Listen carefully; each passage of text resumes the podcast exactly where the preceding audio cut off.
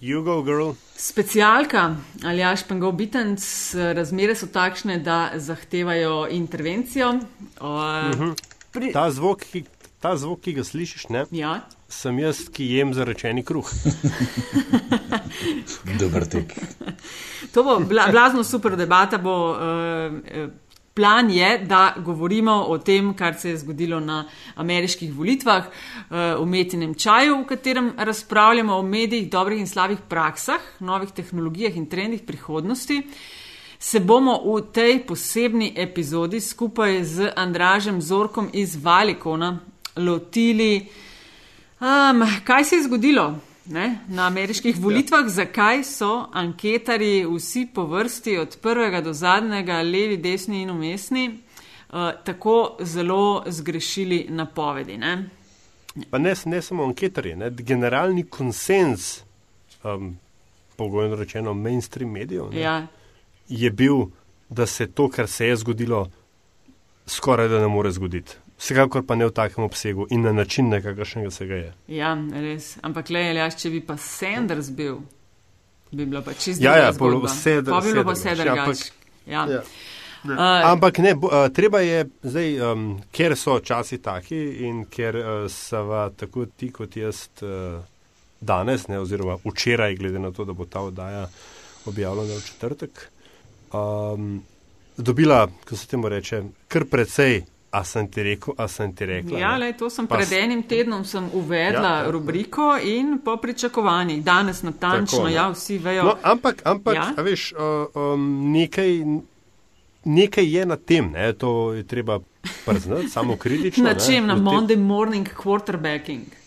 Ih, mislim, na, glej, na, na splošni kritiki. Ne, ne, to pa bomo obdelali, ne, ne, to ja. pa bomo obdelali, to pa vse stoji. Splošna kritika, Ajš. absolutno tega eh, nerazumevanja okolja in prostora, zelo očitno. Tako, Sicer do Ajš, takšnega razkoraka ne bi prišlo. Ajš, in tukaj pač mislim, da moramo mi dva. Vendarle, mečkam dvigen troko in reči guilty as charged, ne? vsaj v, v, nekem delu. Je pa, je pa res, ampak da smo pa vendarle, ne?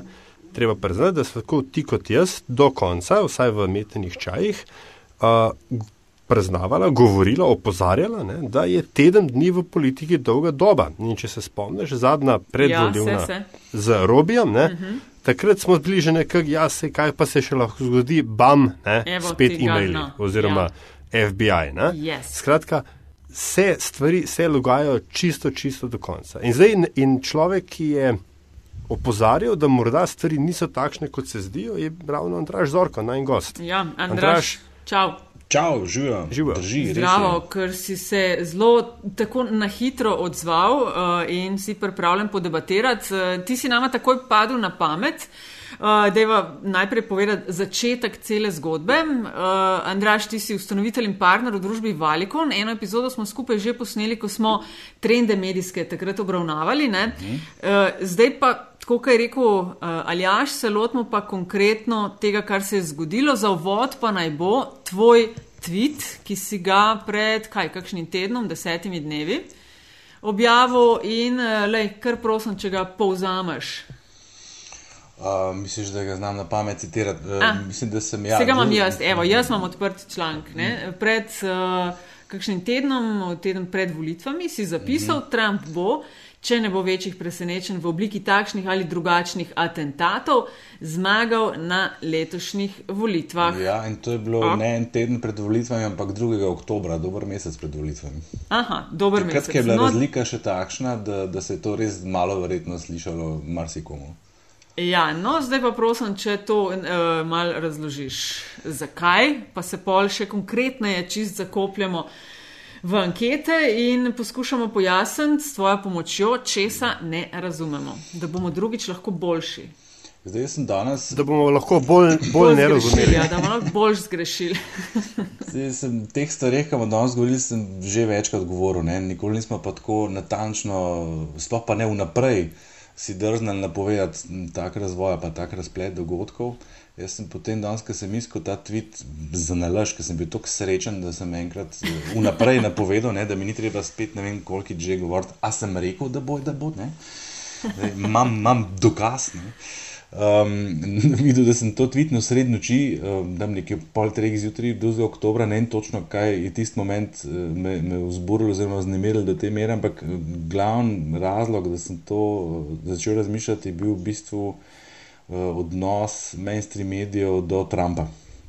No, da je to ne? povej. Kako si ti ta odnos videl in pa kaj razumeš pod mainstream mediji? Dobro, mainstream mediji sem rekel, zato ko vsi govorijo zadnje čase mainstream mediji. Jaz moram priznati, da tako natančno uh, kampanjo. Ok, legacy media, ne, traditional media. Okay. Tako bom rekel, le, kjerkoli sem naletel na kakršen koli zapis medijski na temo ameriških volitev, je bilo zelo očitno, da so mediji na strani Clintonove oziroma da vsi gradijo in živijo v strahu pred tem, kaj bi bilo, če bi Trump zmagal in so se iz tega pojili in ga posledično pač postavljali in prikazovali v taki luči, kot je to največja možna groza, ki se temu svetu lahko zgodi. In to pa seveda pomeni, ne, da, da ta lik, ta, ta osebnost postane a, to, če moramo pravimo v raziskavah, družbeno manj zaželena, če ne celo nezaželena. Uh, entiteta, da tako rečem, subjekt. Ne? In to ima uh mhm. -huh. potem svoje posledice tudi v raziskavah. In to je pojav, ki je zadnje čase vedno pogosteje prisoten. Na zadnje smo bili priča na Brexitu, uh, Neka podobna pojavna oblika tega se je zgodila tudi na hrvaških volitvah, ali pa nam bližji primer referendum za, za, za družinski, oziroma proti družinskemu zakoniku decembra lani, kjer je tudi prišlo sicer ne do obrata, ampak do precej večjega razkoraka med za in proti, kot so vse ankete napovedovali. Gre za to, da se. Ja, kar povedati. Ne, ne, ho, sem ti hotel prositi, če še večkrat bolj ja. razložiš. Za...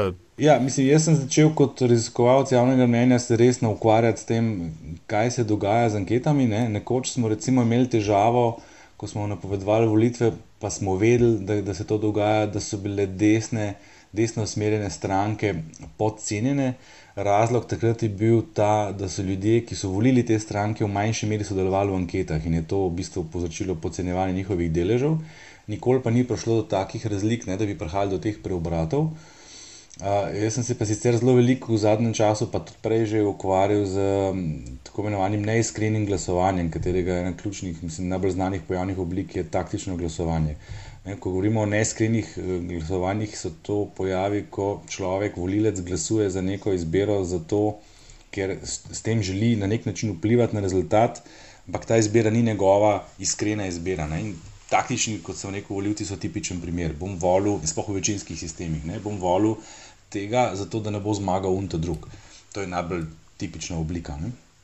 Zdaj v Ameriki mislim, da smo bili poleg tega, oziroma v precej večji meri priča uh, tudi kontraglasovom. Ne? Za nalož bom volil tega, zato ker mogoče za nalož bom volil, verjamem celo, da so nekateri iz nekega inata, kot se reče, volili Trumpa, zato ker so demokrati uh, Eh, nominirali Hillary, ne, ne pa Sandersa. Tudi to je možno in tega res recimo sploh ne izključujem. Ne. Skratka, če se vrnem nazaj, ko ti nekoga pozicioniraš kot družbeno manj zaželenega, eh, pride do tega učinka, do tega konformnega vedenja, množičnega, da se ljudje v anketah ne opredeljujejo iskreno. To pomeni, da zamolči, eh, koga intimno dejansko podpira, zato ker je pač ta oseba družbeno manj zaželena ali pa sicer pove, da je naklonjena tej osebi, ampak hkrati reče, da ni čist prepričana, ali bo na volitve šla ali ne.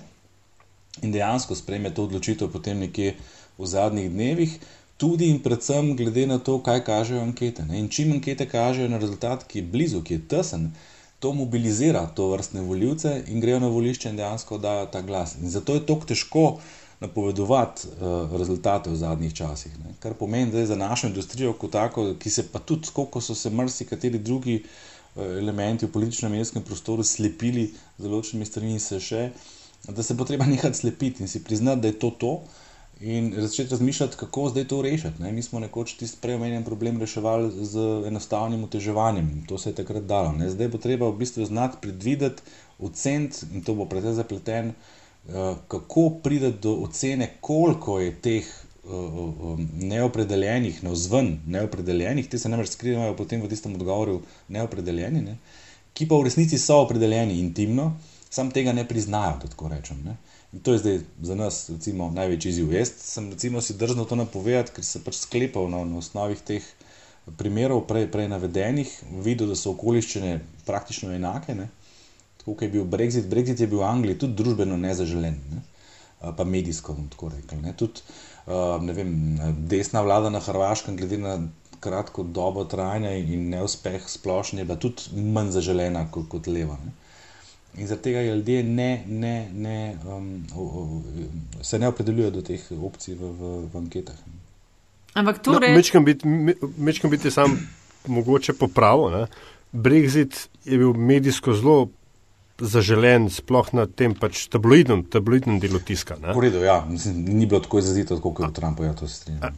Ampak, ja, se, se pa, ampak v bistvu drugo vprašanje se je meni porajalo. Zdaj, razumem, da je to da moramo reči, metodološki izziv. Uh -huh. Kako anketari, kako polstari to rešite, rešijo, zato da dobijo spet, vem, kaj se temu reče, reprezentativni vzorc. No, veljavne rezultate bomo rekli. Nov no, medijski instrument, pravno, tem, tem je štos. No, no.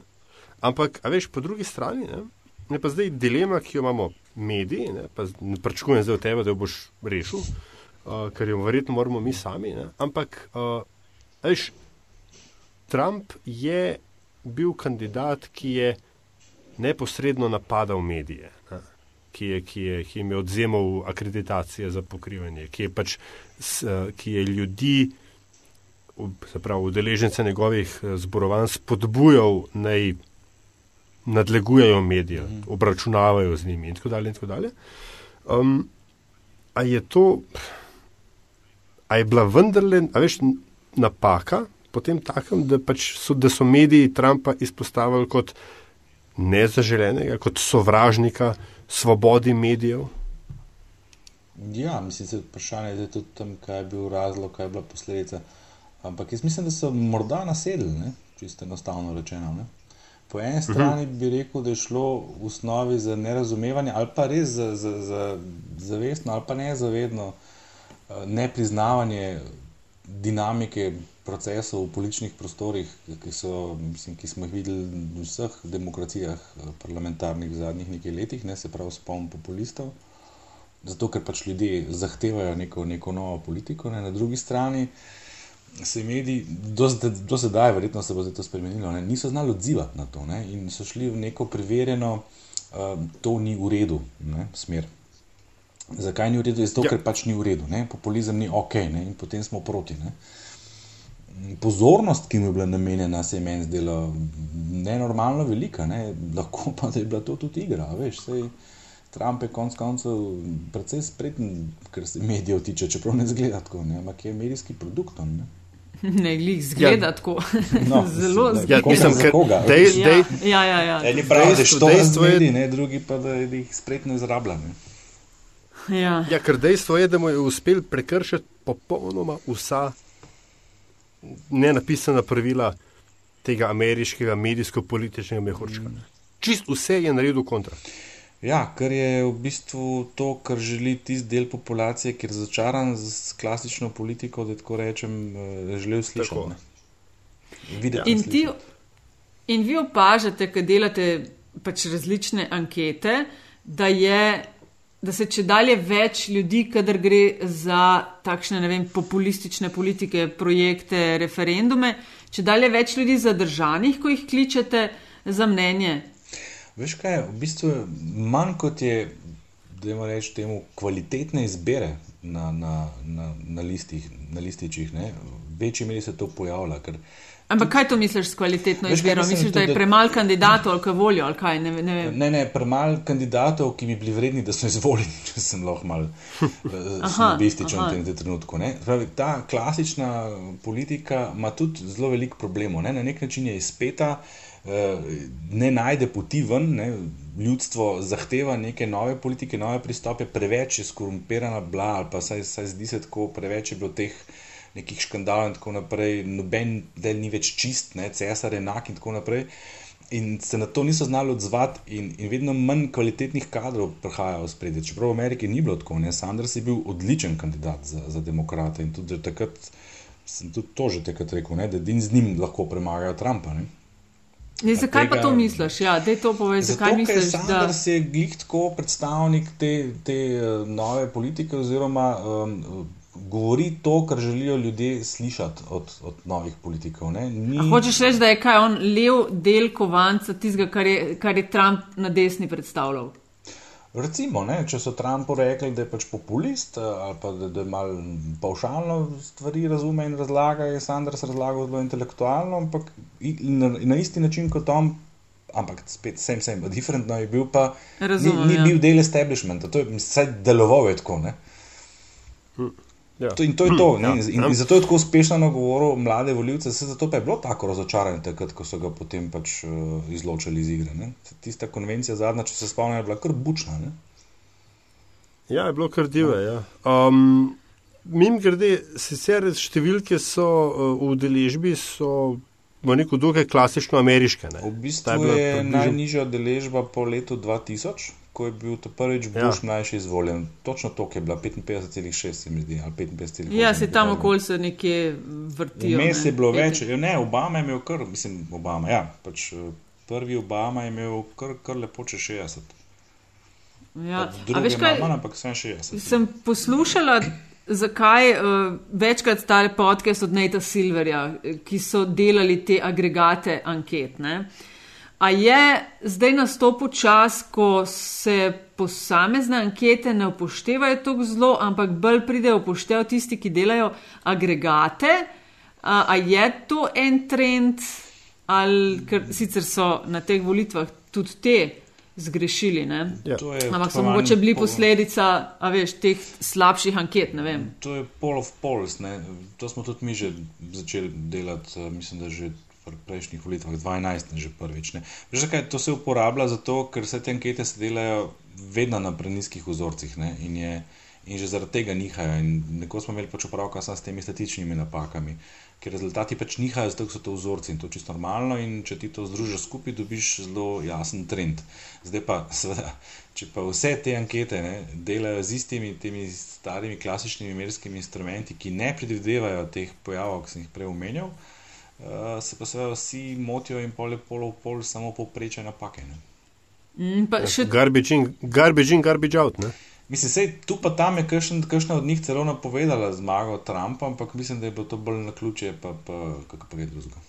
Ker veš, kaj Ja, se ampak ker sem že- zanimivo, ja. sem tole, Aljaš, to Ja, zanimivo so razlagali, zakaj, da je letos, ne zdaj zakaj so tako slabo se odrezali, ampak da je letos slabša ponudba anket in da jih je manj in da je temu tako zato, ker so v silni krizi večje medijske hiše, ki so v ča, starih časih bile naročnice teh najkvalitetnejših anket, zdaj so pa ob- krčenju proračunov uh, začele pač tudi tukaj rezati. Ne? In je manj tistih, ki kvalitetne ankete. Aha. delajo. Mislim, Ja, to s... zdaj gleda to, da se. A je to na slovenskem trgu tudi za opažati? Mm, Dobro, mi smo mečkani, pa na vsake ni, toliko ne je morem nekaj. Imaš, ni. mislim, imaš, imaš point, ne? Uh, Gallup recimo je sam izstopil iz tega pred časom, ne? V Ameriki so stari rekli, da se, da se ne grejo več tega, ne? Uh, kar me je malo presenetilo, oni so v bistvu originatorji, oni so to prvi, ki so delali javnomnenjske ankete na ta način, ampak so prvi priznali, da to pač ne dela več, ne? Mm, ne In zdaj iščejo, tako kot vi, rešitve, kako zajeti te voljivce, ki se ne želijo Ja. opredeliti. Pa prej si omenil eno taktično glasovanje, eno Mhm. pa neiskreno. To verjetno ni čisto isto, ne? ker taktično je eno, da rečeš, ok, bom za nalašč tistega drugega, zato da tega zafrknem. To neiskreno je pa verjetno bolj to, Ne, ne. da ne vem, se ne želiš opredeliti, da boš za ali pa proti. Ne, ne, ne, ne. vem, um, Taktično ne? glasovanje je, je ena od oblik neiskrenega glasovanja, oziroma neiskrenih Aha. glasov. Ne? Ti imaš iskreno izbiro, se pravi, to je stranka, kandidat, ki je te posebno najbližji, ki se lahko identificiraš z njim na tej ali pa drugi ravni, to je iskrena izbira. Ne? Uh, vse ostalo, kar pa ni, je pa neiskrena. Se pravi, ko imaš pa ti neko kalkulacijo v zadnji. Zdaj pa jaz. Taktično oblik, uh, glasovanje je pač najpogostejša, najbolj znana oblika neiskrenega glasovanja. Lahko pride tudi do drugih oblik, recimo, da ljudje volijo kandidata samo zato, ker vidijo, da, da vsi v njegovi okolici podpirajo nekega kandidata, pa ga volijo še oni. Temu se reče bandwagon efekt, uh, angliško, ne? da skočijo mm. na voz zmagovalca. Recimo. Zato, recimo, Ja, ja. kakšni kandidati, tam, kadar so razlike večje, zmagajo še večjo prednostjo, kot so spet kjerkoli ankete napovedovali. Ne? Da mi še to povej. Um, ja, sorry, samo še to, da dam, peč... to ja, kar o, se ja. pa zadnje čase pojavlja, so pa kontraglasovi. To pa je relativno nova stvar, ta pa bo, še, ta bo pa še zaslužila veliko pozornosti. To je, pa, to je pa v bistvu ta neko nova generacija, ki je jezna na nek način ne? in, in glasuje za nekoga, zato ker glasuje ne proti drugim kandidatom, ampak glasuje proti celotnemu sistemu. To in to praviš, da ne znate. Ne, ne veš kaj, ne da ne znamo. Mislim, da ne veste, tem, kako zagrabiti tega. Nikoli ne veš, koliko velik je obseg tega, ne? Ker seveda ne moramo jih vprašati. Ne? To je zdaj ta catch, 22. Mi vemo, da znotraj teh, ki so na koncu v anketi napisani kot neopredeljeni, nekateri med njimi vemo, da so opredeljeni, pa tega na glas ne povedo jaz ga ne morem prisiliti, da mi prizna, ja. za koga je on v resnici. Ta del je najtežji oceniti, ker ne veš, koliko velik delež lahko ocenjuješ. Tudi veš, pri oteževanju, ko smo oteževali uh, podcenjenost desnih voljivcev, smo približno vedeli, ne, koliko jih je in kakšen delež bi mogel biti, in se je to dalo težiti. Tle pa ne veš, kakšna je tista osnovna spremenljivka na, na populaciji, da bi lahko sploh karkoli oteževal. To je ta izziv. Ne. In tle bomo morali najti druge indikatorje pomeni spraševati ljudi o različnih vrednotah, razmišljanjih, pa Bog vidi, v čem še vse, ne, da bomo ja, ja, ja. najdel ne, neke, neke uh, indikatorje, kdo je zdaj tle potencialno uh, zamolčal, pa, pa se bo pojavil na volišču. Ne. Pa so pa še oni drugi, ki pa sicer povejo, ampak um, pri nameri izjavljajo, da pa bojo manj verjetno prišli. Recimo, ker te vse te napovedi pa navadno upoštevajo samo tiste, ki rečejo, da bodo zagotovo ali pa zelo verjetno prišli na teh, ponavadi bazirajo napovedi. In to se je recimo zgodilo na, referendumu v Sloveniji. Ne? To smo tudi mi naredili takrat napako. Mi smo, mi smo štartali s temi, zagotovo zelo verjetno in napovedali rezultat, ki je bil precej daleč od realnega, in potem smo ugotavljali, da pa. Da je pa precej večji delež tistih, ki so rekli, da bojo manj verjetno prišli, se potem res pojavil na volišču, Tam je bilo pa razmerje za proti bistveno večje kot med unimi, ki so rekli, da bodo prišli zagotovo, pa potem niso prišli. Um, dve stvari. Prvič, a je morda ena od rešitev ne, tega, te dileme, s katero se zdaj antiketari srečate, kako oceniti obseg uh mhm. -huh. to vrstnih pojavov. A, a so morda mediji, ki bi, ne, zdaj pač, do, danes so bili vsi polni na svetu, ampak a, eden od njih je bil, da je treba iti enostavno nazaj na teren. Veš, tako imenovani beat reporters, pač ljudje, ki pokrivajo, ki pokrivajo eno in isto. Ja, ja, ki ni iz redakcije. Mes, mesto, ja, ja, ja. temo, ja, karkoli, ja. ki so pač na terenu. Um, um, a, je, a je to mogoče neki? Absolutno, absolutno. ena od smeri etnografija, se reče temu v našem poslu. To je kvalitativni pristop, da se ti pogovarjaš z ljudmi na ulici, v lokalih, doma in tako naprej, tam, ki povejo dejansko, kaj mislijo. E, to je spet, seveda, težko kvantificirati, ampak skozi to lahko ti začutiš ta sentiment. Ne? Ti, če si pač raziskovalec, izkušen, ki veš, zakaj gre, lahko začutiš, da je tak, nek tak pojav prisoten. Rečeš, aha, ne? spet se nam dogaja to, da ljudje doma ali pa v gostilni s prijatelji povejo, v bistvu, kaj res mislijo, in koga bo pa vprašal nek polster, pa bo to zamolčal. Ne? To bi se recimo ja, ja. s takimi pristopi dalje. Je pa to tista drugi, dražja pot, ne? ob tem krčenju proračuna, ne govorim zdaj za anketare, govorim tudi za medije, ne? ker je vse manj nekih dopisništv in se vse več dela eh, za mizo v redakciji nekje in potem spremlja neke agencije in na podlagi tistega. Mislim, uh, draže, veš, kako je verjetno bi bilo bolj učinkovito malo realocirati, bomo rekli, ne? malo manj teh kvantitativnih klasičnih meritev, pa preusmeriti sredstva v to vrstne metode, s katerimi priješ do uh, indikatorja, a se, a se nam spet dogaja to ali se nam ne. ne? Pa, in ker smo že glih pri, pri kvantitativnih metodah in uh, desk uh, reportingu in pač desk polanju in tako dalje, A so zdaj data-driven polls, pa data-driven campaigns mrtve ali ne? Ker tudi Nate Silver, ne, čeprav je zadnji teden mečkan hedžal te svoje napovedi, pa je bil najmanj ja, najbolj konzervativen. Ja. Tako, ne. Ja. Uh, veš, ker, ker zdaj je tako, o, o, on je bil zvezda 2008, uh -huh, pa 2012, uh -huh. danes so edini, ki so imeli res track record napovedovanja v narekovajih Trumpove zmage so bili alt-right mediji tipa Breitbart, pa Infowars, pa ne vem kva vse, ne, ki so bili v bistvu del kampanje. Um, te, ki porabljajo v kampanjah raziskave, uporabljajo marsikatero metodo, ne samo te klasične. Predvsem te kvalitativne metode. Ne. Oni lahko začutijo točno na tak način, kot sem prej omenil, kaj se v resnici dogaja. Pa pridemo pa seveda do vprašanja javne objave, interpretacije in v končni fazi, ko nezaželene z naše strani manipulacije s temi podatki. Ne. To, kar sem na začetku omenil, ti, to se je zgodilo v Sloveniji 2008 pa 2011.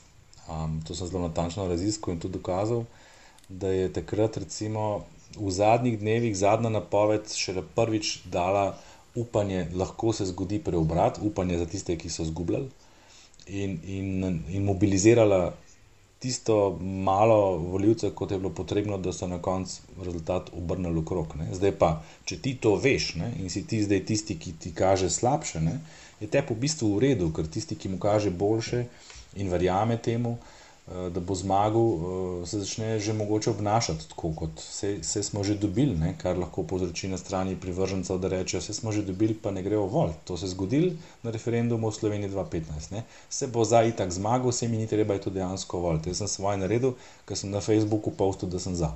Ne? Ni šel pa na volišče. Uh, Uh, in tle bo verjetno teh manipulacij zdaj s temi malce več, ne veliko taktiziranja tudi na tej strani, ne? kaj je zdaj za koga boljš, da se objavlja. Ne? V bistvu, če tako pogledamo, je Trumpu ustrezalo, da so vse ankete kazale v to, da bo zgubil, da so ga skozi obravnavali kot nekega luzarja, že tako odprej, pa potem še se nima šans. Ne?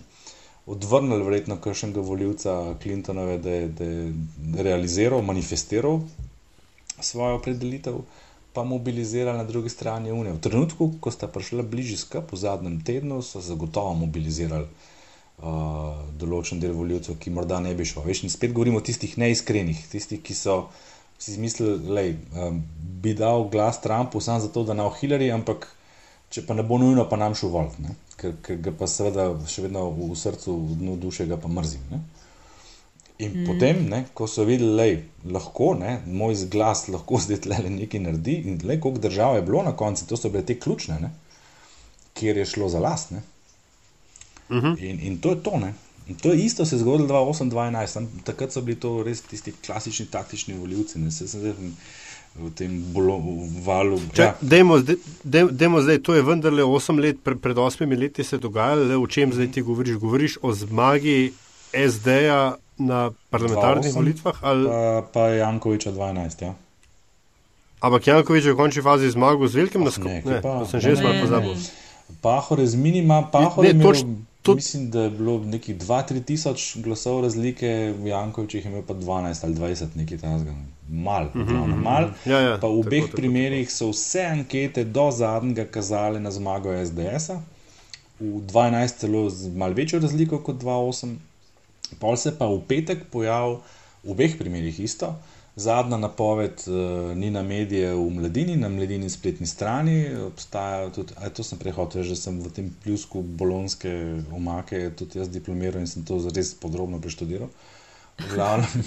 Uh, imam grafe, kako poskoči obisk uh, mladine spletne strani na tisti petek pred volitvami. Tam so imeli oni 50 tisoč uh, teh edinstvenih obiskovalcev. Mislim, veš kaj je to 50 tisoč, če ti je bilo, uh. če si jih rabo 3 tisoč, da si obrnil rezultat. Recimo, In uh, takrat se prvič pojavlja napoved, uh, ali je možno prebrati, oziroma uh, lahko da pride do prebrata, trend se približevanja in tako naprej. Nek način mobilizacije, zdaj ali je bilo to namerno ali ne, bomo presodili, da prepuščam drugim, ampak dejstvo je, da, da se je to zgodilo in je tako bilo.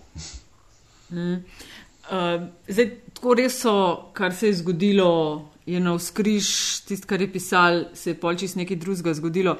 Koliko misliš, da je razloga tudi v tem, to sem za ZDA poslušala, vse večje kompanije imajo sedeže običajno v nekih urbanih središčih v mestih ne? in so toliko manj prisotne tam, kjer bi mogoče ti voljivci, ki nočejo se opredeliti, eh, bili. Ne? Veš, ta urbano-ruralno, koliko pozornosti temu recimo vi posvečate, ko greste na teren, pa rečete, ok, ne bo sam Ljubljana, ampak da ni spet to, ok, ne bo Ljubljana, pa bo ne vem še zraven Koper pa Maribor, ampak da bojo tudi kraji vmes. Ne? Ker tudi to je v Ameriki. Veš, pridemo, smo v Združenih državah, pa je nekaj New York, pa nekaj Washington, pa Miami, pa Los Angeles. Ne? Greš -hmm. pa eno uro ven iz teh mest, je pa, je pa to. No, so pa zdaj... drugače razmišljajo, veš. Ja, ta razlika urbano-ruralno je zelo izrazita tudi v Sloveniji in tudi povsod. V bistvu, no, tudi Brexit se, se je izglasoval um, izven mest, ne? referendum se je izglasoval v Sloveniji izven mest. V bistvu vse razne ljubljene. Ampak to je predpostavka, da imaš ti vzorc, ko delaš tako anketo, proporcionalno razporejen geografsko, da imaš uh, vključene vse tipe naselij, da je to tudi uteženo potem po teh uh, karakteristikah. Ne? Tip naselja, glede na velikost, pa regija, sta standardni spremenljivki pri oteževanju in reprezentativnost se gleda tudi po tem. Tako da to bi morali vsi v osnovi imeti. Ne? Če tega nimaš, Aha, že ni to več ekstra. Ne, ne, ne. Ja, ja, ja. In tudi mislim, da tle ni noben grešil po tej plati. Uh, zdaj pa tako, včasih smo imeli problem z ruralnim prebivalstvom, zato ker so se tam čutili manj kompetentne, ker je izobrazbena raven nižja za, odgo za odgovarjanje na ankete in so v manjši meri sodelovali. In če so oni v večji meri podpirali desne stranke, smo imeli mi zaradi tega podcenjene desne stranke. Ampak to je bil en tak pojav, ki je bil umirljiv, za katerega smo vedeli, da je se ga dal tudi utežiti. Zdaj to, ne, to socialno zaželeno, zelo družbeno zaželeno, oziroma nezaželeno odgovarjanje, bi pa jaz rekel, da je jih obratno, da se pa v mestih v večji meri dogaja. Um, ker jaz verjamem, da, da izven velikih mest Trumpovi privrženci ne samo, da so povedali, pa so zelo na glas povedali, da ga bodo volili. Obratno je bilo verjetno v mestih, ne? ker tam pride do te družbene nezaželenosti ne? med, med eh, intelektualci, od katerih ne človek ne bi pričakoval, da bi se odločil za tako izbiro, pa so vse iz enega ali drugega razloga, tisti so po mojem molčali.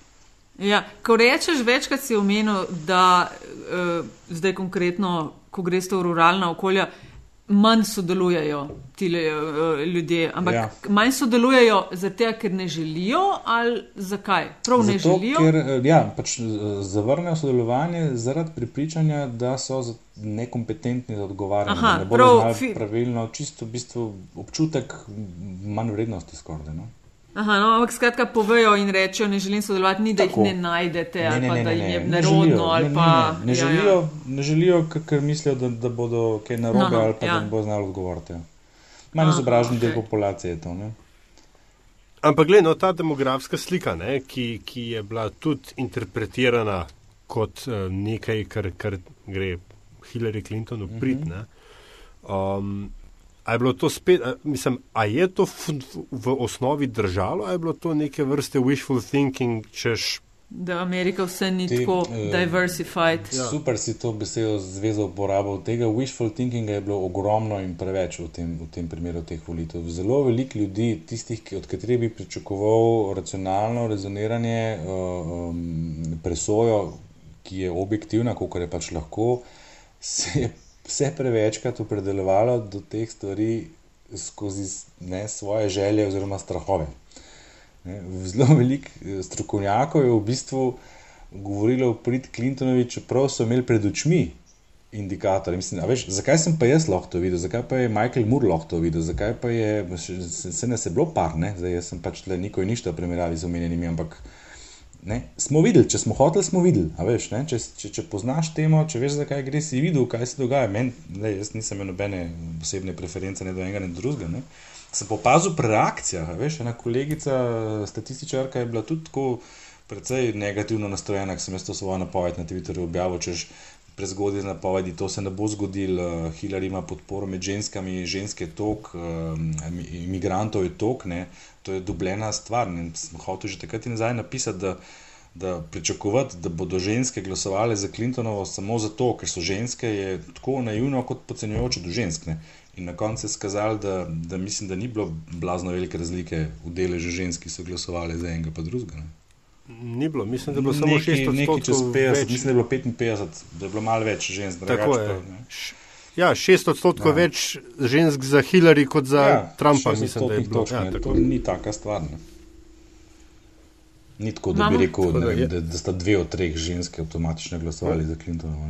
Tudi, tud, kar se demografskih razredov tiče, jaz sem nek exit pol videl, pa zdaj, ne, exit polsi to zgodi, mislim, vprašanje, koliko so relevantni, ampak da je v bistvu Trump dobil več v bolje situiranih razredih slojih, ne, kot Hillary in da se je zgodilo ravno obratno od tistega, kar, kar se je predpostavljalo. Se je pričakovalo, uh -huh. tako da je pač Trump kandidat neizobraženega belega delavca, ne, ko pa je imel podporo dejansko v vseh slojih, uh -huh. v vseh spolih, ne, slo presenetljivo v vseh, um, uh, um, se temu reče, etničnih skupnostih. Ja. Hispan, se pravi, latinosi so ga podprli bolj, sicer malenkostno, pa vendarle kot kot Romi. Na koncu je skazal, ne, da ni šlo niti za bitko spolov, niti za uh, vprašanje priseljenstva, ne priseljenstva, ampak za to, a si ti nasplošno zadovoljen, oziroma a se počutiš zadovoljen v tej državi ali ne, a si ti še pripravljen dati svoj glas temu sistemu, ki je zadnjih nekaj desetletij uh, obstajal in vladal ali ne. ne na nek način nek, je bil nek tak razreden boj v novi obliki. Ali je, je bil to kulturen boj? Ne, jaz mislim, da je bil bolj razreden, kot sem rekel. Veš, jaz okay. sem zasledil, pa dobil tudi veliko eh, ne vem, nekih eh, sporočil, pa postov uh, američanov, ki so, mislim, kot, kot si prej rekel, ljudje, za katere ne bi nikoli v življenju mislil, da bi pa ta znal Trumpa voliti, pa je znal napisati v petih točkah, zakaj ga bo. Uh, hkrati priznal, ne, da, da ga v bistvu mrzi, ampak da zaradi teh in teh in teh razlogov bo pa dal glas njemu. In kaj se zgodi, povem jim, po, takih, eh, po takem katastrofalnem torku sredi, kar se napovedi tiče, ne zdaj, kar se izbire tiče, ampak kar se uspešnosti napovedi tiče. To grejo zdaj v, nazaj v delavnico, anketari in si razbijajo glavo, kaj, kje, zakaj, čakajo še kakšne podatke. Ti veš, kaj me je danes blazno presenetilo, ko sem zjutraj vse čas spremljal na CNN, sem gledal in potem so se prišli do tega vprašanja. Šest za mizo in so odgovori bil v glavnem, ja ne vem, ne, kako je do tega prišlo, to me je res presenetilo. Ne. Mislim pa, kako ne veste, ne? če jaz tle vem, ne. veš, kako ne veste, kaj se vam dogaja. Ne. Ne, mogoče je razlog v tem, kar si prej omenila. Jaz to nisem podrobno spuščal, da bi gledal, kdo res so bili izvajalci. Vem, da je Galup šel ven iz te igre, Galup zelo cenim sicer, ampak kolikor vem, je pa ne par teh renomiranih imen vseeno bilo vključenih v te napovedi. Um, ne, a se slepijo, ali, ali, pa, ali so pa pocenili. Uh, ampak to, no, če se je to, kar se je kdaj vam zgodilo, to. Um pač ni se, dobro za Nataša. Ni, a veš, ne, veš, da ni dobro za ogled. Ne. Da se je vedno tudi skrbel, tudi, tudi če se konkurentu to zgodi, ne se si mogoče par sekund se malo privošljivo nasmehneš, naslednji, naslednji minuti pa se že zagovarjaš, ker gre za industrijo. Ne. To je bil primer zdaj na hrvaških volitvah, ko so, ko so, ko so ko konkurent zgrešil exit poll, kar se zgodi redko kdaj. In roko na srce se moraš res potruditi, da exit zgrešiš. Uh, ampak ne, vse se, se, se je zgodilo in smo vse stopili na nek način v bran, ne zdaj njim direktno, ampak industriji z razlago, what went wrong, ne? ker se, ja, ja. Ni, ni, se, ni dobro za industrijo. Pač. Se pravi, kaj smo se naučili? Lej, te, se še učimo, jaz sem tako zelo ja, ja, ja. zadržan pri tem. Se pravim, sem, mi smo v Valikonu 2008-2012 naredili te migracijske analize, kjer smo razlagali, zakaj je prišlo preobrata iz perspektive oziroma aspekta, kdo je šel od kere stranke eh, pred, ne, v napovedi, potem pa na volišču, ki je te stranke. Ne, spravi, kje so se zgodili prehodi, ki so povzročili preobrat. Zdaj sem šel pa korak nazaj, ne? zakaj pa res pride do tega. Tisti primeri v Sloveniji 2012 so bili enostavni, tisti so bili taktični glasovi. Mi smo že takrat v anketah pred volitvami uh, dajali not vprašanja, ne? če bi bil scenarij tak pa tak, ali bi vi utegnili glas komu drugemu in tako naprej. In to se da napovedati. Večji problem je to, kar se zdaj dogaja, kar sem povdaril. Ko se pojavi um, um, ta družbena nezaželenost. Ta, ta je pa res težko merljiva in, in tle bo pa mojstrstvo potrebno. Skoro, ja, rekel, veš, jaz sem si drznil napovedati, zato ker sem vedel, zakaj gre. Uh, če bi zdaj zelo, zelo poenostavil, bi rekel, da vzamem anketo, pa obrnem rezultat okrog, pa ti ne povem, kaj bo, ker pač tako zgleda, da je, ne? ampak stvar je vseeno malo bolj kompleksna. Uh, Moš poznati okoliščine in razloge, in če ti zaznaš te okoliščine in tle so bile prisotne, pa sem si pač ne upal to napovedati. Zdaj, kot sem rekel v tistem zapisu, tudi ne, this was easy, now comes the tricky part. Ne, kako zdaj to spraviti v nek merljiv številski, merski model, da bomo lahko tudi drugič potem povedali, ne samo, ja, bo zmagal en drug, pa številka bo taka. Ne. Ja, ja. ja dajte ne. Ja, ja, lej, Daj mi, daj mi ne, nekaj, nekaj mi povej, no, Andraž. Um, razu, po en stran, prvič, kot sem rekel na začetku, eden redkih, ki si videl uh -huh. ne, ali pa upal videti. Uh -huh. Ampak po drugi strani, pa kot si tudi sam rekel, ne, nis, nimaš, nisi imel osebne preference in v končni fazi tudi bil, ni bil tvoj ugled na igri. Mogoče pač ok, tvoj oseben, ampak če bi se zmotil, ne, bi v resnici ne bilo to grozno. Ne. Nekako nekak se mi zdi, da je po eni strani sem napovedoval Trumpovo zmago, je bil mečkam bolj safe bet. Ja, vem, kaj misliš, se je ja, zdelo. To mi je eno, to ja, mi je eno tudi napisal na Twitterju, rekel, da si se kar dobro spomnil, če, če už zadev, boš car, če pa ne, pa nikome ništa. Ne. Mislim, tako ja, je. Ja, ampak možna interpretacija ni bil pa to moj vzgib oziroma motiv. Ne, ne jaz sem hotel sem te mm. nekaj drugega vprašati, ne, si, da ti bi jaz zdaj postavil vprašanje scenarija. Če bi pa ti delal anketo v Ameriki, mm. a bi si upal to isto reči? U, veš, točno to sem se spraševal. Ja ali bi, ali bi šel kontra, kontra mm -hmm. vsemu, mm -hmm. kontra celi industriji, kontra medijski srednji, kontra vsemu znanemu, kot sem prej rekel, napisanih in nenapisanih pravil. V, v medijsko-politično vihurčko. Ja, zdaj to je pač, eh, kot si sam uh, namignil, ne? to je stvar ocenjevanja tveganja, kaj, kje, v katerem primeru več zgubiš. Uh, jaz sem za te hrvaške volitve, recimo, še nisem upal na glas to reči. Jaz sem to kolegom zaupal, tik predtem so bili exit poli, pa sem tem kolegom z Hrvaške, pa sem rekel, da je izenačen bo, če ne bo celo HDD zmagal. Takrat sem recimo še nisem upal. Ne? Zdaj sem si, ne vem pa v Ameriki, plem. Mi smo znani, doskrat, da smo drzni. Lahko bi ocenil tveganje, bi rekel, kaj. Ne? Če bom zgrešil, bom en tisti, ki bo zgrešil. Je 20 odstotkov ne, možnosti, da zgrešim. Je, ja, ne, le se znamo oceniti vrednosti ne? in, ja, in, in ja, ja. posledice. Ja. In čist prav uh, gambljati s tem ne moreš, ker je to pač nekaj, o čemer živimo. Ampak po mojem, zdaj, no, lej, ja, težko le, zdaj lahko je zdaj govoriti. Lahko je zdaj govoriti. Ja, ja, ja, ja, ja, ampak lizer, ampak, ja, lizer tega sem sam za to povedal, lizer tega sem to naredil, ne, ker, ker se mi je že večkrat zgodilo to, da ne, sem slutu vedel, pa sem bil tih. Ne, In pol ne, sem se naveličil sam sebe, ker sem drugim govoril. Jaz se jaz sem rekel, ne, zdaj sem šel pa pač. A sem ti open, rekel, ne, ja. Ne, ja, zdaj ja, sem šel pa open. Zdaj pa jaz si upam to napovedati in sem do konca tudi pri napovedi ustrajal. Tudi. Dej, to mi pove, uh, še, še preden, preden gremo proti koncu. Um, le, letos vsake te volitve, vsak ta polling produkt prenesel neko novost. Letos je bilo verjetnost, da bo Trump ali pa da bo Clinton zmagala. Ne? To je to, kar naj dela. Ja, da bo že, da ima, ne vem, 68 ja, odstotkov ja. verjetnosti, da bo zmagala. Ampak hkrati je pa recimo Ana Slavec v prejšnjem metinem čaju rekla, da je to više manje boljši, ker ti ne moreš, ne vem, milijonkrat ponoviti dejanskih volitev, pa reči, da je to to. Ne? Ja, zdaj ta pristop meni načeloma kar všeč. Uh, tudi... ja. Čeprav, okay, moram se mečkati nazaj, vzeti, uh, vse one razložile, kako to delajo. -huh. ni rekli, da je čisti bullshit, no, ampak da nasplošno en tak, veš. Uh, kaj, na nek način je tudi safe bet. Veš, če tako pogledaš, tudi če je imel na koncu napoved 70 verjetnosti za Clinton, pa 30 Trump, lahko danes reče: Glej, vse sem mu dal 30% verjetnosti. Ne? Ja, ja, ja. se to skozi poudarja. Ne, ne, se to skozi poudarjajo v svojih veš, razlagah številk. Ne? Še vedno to ne pomeni, da ni nič možnosti. 30 je pa kar velik. Ne? Uh, ja, no, mislim, če se zgodi. Ja, ni to malo, mislim, ena ja. tretjina možnosti. Ja, zares, to je ena od treh, ne, to, to ki jih ima raka ja, v Sloveniji, to tisti, ki ga imajo več. Če, če bi trikrat ponavljal, ne, mm. volitve. Ja. Ja. Um, ja, ne, še, še nekaj drugega za to vprašati, ampak uh, sem je, mi je že ušlo iz glave. Aj, ne, ne, to, ne, seveda. Tipa biznise. Slovenija imela zdaj le kaj dve leti brez volitev, kar je čist čuden.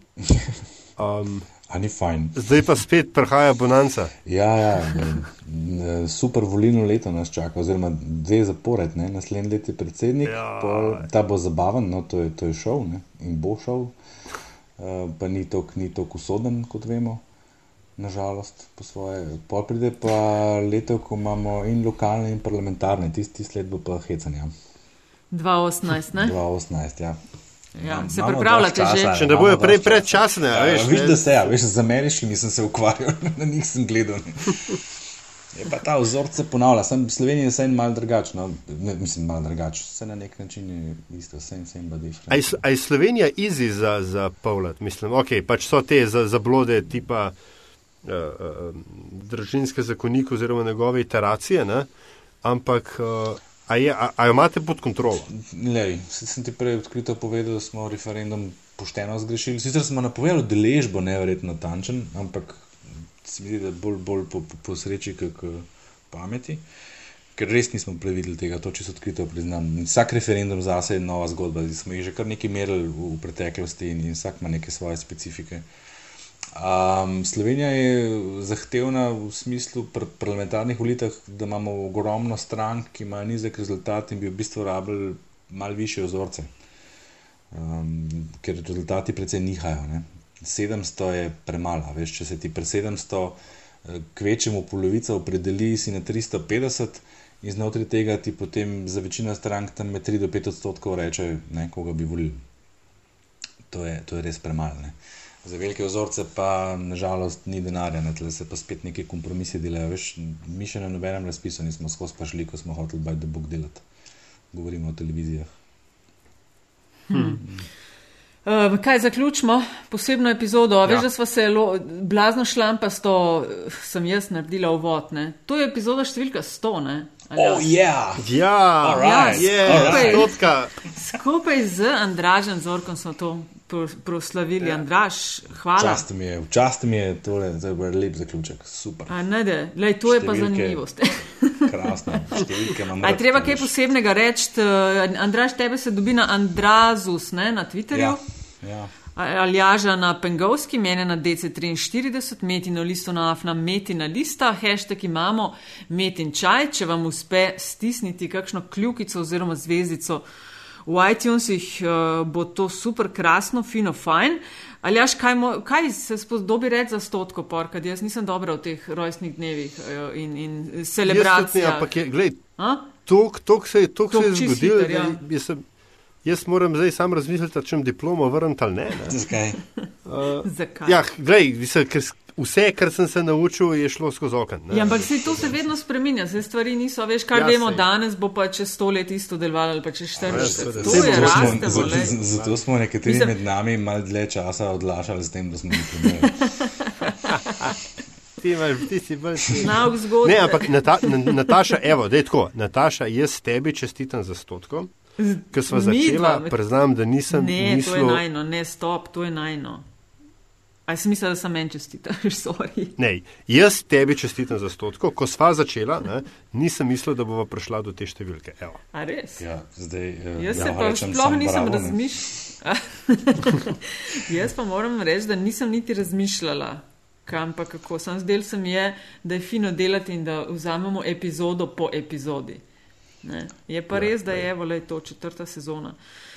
Tako da ne, hvala za vašo Andraž, družbo. ja. Veš, za vas to delamo in brez vas to uh, ne bi šlo tako daleč, ne bi nam tako daleč neslo no, kot nam. Tako. pa mislim. Bova se probala še kakšne napovedi zmotiti. Ja, bolje zmotiti. Ja. A veš, Ja. to je to. Andraš, najlepša hvala, da si si vzel čas. Čast mi je bilo, zdaj še posebej, ker sem to slišal. Evo, hvala ti, lahko noč. Uživajte. Mejte se. Čau, čau.